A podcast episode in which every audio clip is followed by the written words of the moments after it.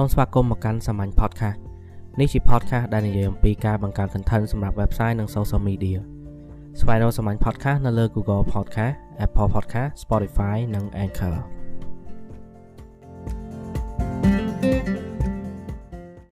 នៅក្នុងអេពីសូតនេះខ្ញុំនឹងប្រាប់ពីដំណោះស្រាយមួយដែលអាចធ្វើឲ្យ content របស់លោកអ្នកមានតម្លៃជាងមុននៅក្នុងផ្នែករបស់អ្នកអ្នកតាមដានគឺ value យើងផ្ដល់ value ច្រើនជាងមុនទៅដល់អ្នកតាមដាន content របស់យើង ចឹងក្នុងនាមយើងជាអ្នកធ្វើ marketing និងជាអ្នកធ្វើ content យើងតែងតែចង់បង្ហាញ business របស់យើងឬក៏សេវាកម្មរបស់យើងនៅក្នុង content របស់យើងហើយពេលយើងសរសេរអត្ថបទយើងតែងតែចង់ដាក់ឈ្មោះ business របស់យើងនៅក្នុងនោះដែរដើម្បីគេស្គាល់ថាតើអត្ថបទមួយហ្នឹងវាចេញមកពី business មួយណាអ្នកណាគេជាអ្នកសរសេរប៉ុន្តែការធ្វើបែបហ្នឹងវាធ្វើឲ្យអ្នកដែលគេអានហ្នឹងមានអារម្មណ៍ថាខ្លួនឯងកំពុងតែត្រូវគេលក់អ្វីមួយវាអាចជាសេវាកម្មវាអាចជាផលិតផលគេអត់ចូលចិត្តអារម្មណ៍បែបហ្នឹងទេ ចឹងនៅពេលដែលយើងបង្កើត content គឺយើងកុំ build អា content យើងហ្នឹងជុំវិញអា business របស់យើងខ្លាំងពេកយើង build វាជុំវិញអ្នកដែលគេប្រើប្រាស់របស់យើងវិញយើងអាចកំណត់ជា demographic ថាតើមនុស្សប្រភេទណាដែលគេទិញផលិតផលយើងមនុស្សប្រភេទណាដែលគេប្រើប្រាស់សេវាកម្មរបស់យើងបើសិនជាយើងជាអ្នកហាងលក់ទូរស័ព្ទយើងអាចមើលទៅថាត្រឹមអាយុប្រមាណដែលគេមកទិញទូរស័ព្ទពីហាងយើងហើយភាគច្រើនជាមនុស្សប្រុសឬក៏មនុស្សស្រីអញ្ចឹងនៅពេលដែលយើង build content ដោយពឹងផ្អែកទៅលើអា persona របស់អ្នកដែលគេប្រើប្រាស់របស់យើងហ្នឹង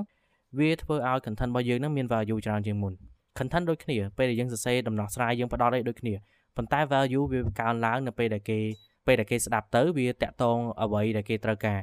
ព្រោះបើសិនជាយើងយក content ដែលសរសេរសម្រាប់ក្មេងរៀនវិទ្យាល័យយកទៅ share ចែកម្លែងឲ្យឲ្យអតិជនយើងជាមនុស្សចាស់អាយុ30ឡើងទៅគាត់អត់ចាប់អារម្មណ៍ទេអ្វីដែលយើងសរសេរគឺគាត់អាចចូលទៅប៉ះពាល់អារម្មណ៍គាត់បានទេតាមត្រូវគាត់គិតថាយើងមិនមែនសរសេរឲ្យគាត់ទៀត អញ្ចឹងអ្វីដែលសំខាន់ដំបូងគេគឺយើងកំណត់ឲ្យបាននៅ persona របស់ audience របស់យើងហ្នឹងតើពួកគាត់នៅកន្លែងណាខ្លះបើសិនជាភាគច្រើនគឺនៅខេត្តគឺយើងសរសេរ content តាម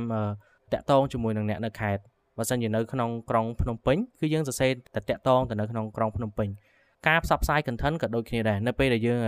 ឧទាហរណ៍ថា content ហ្នឹងយើងសរសេរសម្រាប់តែមនុស្សស្រីទេ អញ្ចឹងនៅពេលដែលយើងចំណាយលុយធ្វើការផ្សព្វផ្សាយក៏យើង select យក audience របស់យើងគឺ select យកមនុស្សស្រីយើងអត់ select យកមនុស្សប្រុសដើម្បីឲ្យគាត់អាន content មនុស្សស្រីទេពេលដែលយើងធ្វើ content គឺយើងរើស audience ទៅហើយថាយើងនឹងរុញ content ហ្នឹងទៅឲ្យអ្នកណាគេ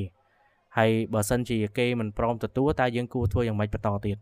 content marketing ក៏នៅរក្សាគោលការណ៍និងទ្រឹស្ដីរបស់ marketing ទាំងស្រុងគ្រាន់តែគេយកអាហ្នឹងមក apply ទៅលើ content របស់យើងគឺយើងផ្ដោតសំខាន់ទៅលើ audience យើងមិនផ្ដោតសំខាន់មកលើ business ឬក៏ product របស់យើងទេហើយមូលហេតុអីបានជាយើងធ្វើអញ្ចឹងដោយសារតែយើងនៅមានផ្នែក sale មួយទៀតយើងគ្រាន់តែធ្វើ marketing ទេយើងគ្រាន់តែដើរទៅមុន sale ទេ sale បានជាអ្នកលក់ជាអ្នកផ្សព្វផ្សាយបន្តទៀតអ្វីដែលយើងធ្វើគឺគឺឲ្យគេមើលឃើញថា business របស់យើងឬក៏អាសេវាកម្មរបស់យើងហ្នឹងផ្ដល់ value ទៅឲ្យគេធ្វើឲ្យគេទុកចិត្តហើយចាំឲ្យអ្នកខាង sale នេះគេចូលទៅបិទ sale តាមក្រោយយើងបំពេញតួនាទីជា marketing យើងអត់លាយឡំជាមួយ sale ទេ ចឹងខ្ញុំមានតែប៉ុណ្្នឹងទេនៅក្នុងអេពីសូតនេះអ្នកទាំងអស់គ្នាដែលមិនទាន់ចុច Subscribe អាចចូលទៅ Subscribe ឬក៏ Follow នៅលើ app ណាមួយក៏បានដែរមិនថា Google Podcast Spotify ឬក៏ Apple Podcast ទេហើយបើសិនជាមានពេលសូមចូលទៅ review នៅលើ Apple Podcast ផង app ផ្សេងទៀតគេអត់ទាន់ឲ្យ review ទេហើយខ្ញុំមិនដឹងថាពេលណាបានជាគេបើកឲ្យ user អាច review នៅលើ podcast បានដែរតែឥឡូវគឺ review នៅលើ Apple Podcast ទៅគឺគេអាចមើលឃើញនៅក្នុង Google ដែរជួបគ្នាក្នុងអេពីសូតក្រោយអរគុណ podcast នេះជាផ្នែកមួយនៃសាមញ្ញសេវាកម្មបង្កើត content សម្រាប់ website និង social media សាមញ្ញនឹងជួយផ្ដល់អត្ថប្រយោជន៍ដល់អតិថិជនរបស់លោកអ្នកដោយប្រើប្រាស់ content marketing ស្វែងយល់បន្ថែមពីសាមញ្ញនៅលើទំព័រ Facebook សាមញ្ញដែលសរសេរជាភាសាខ្មែរ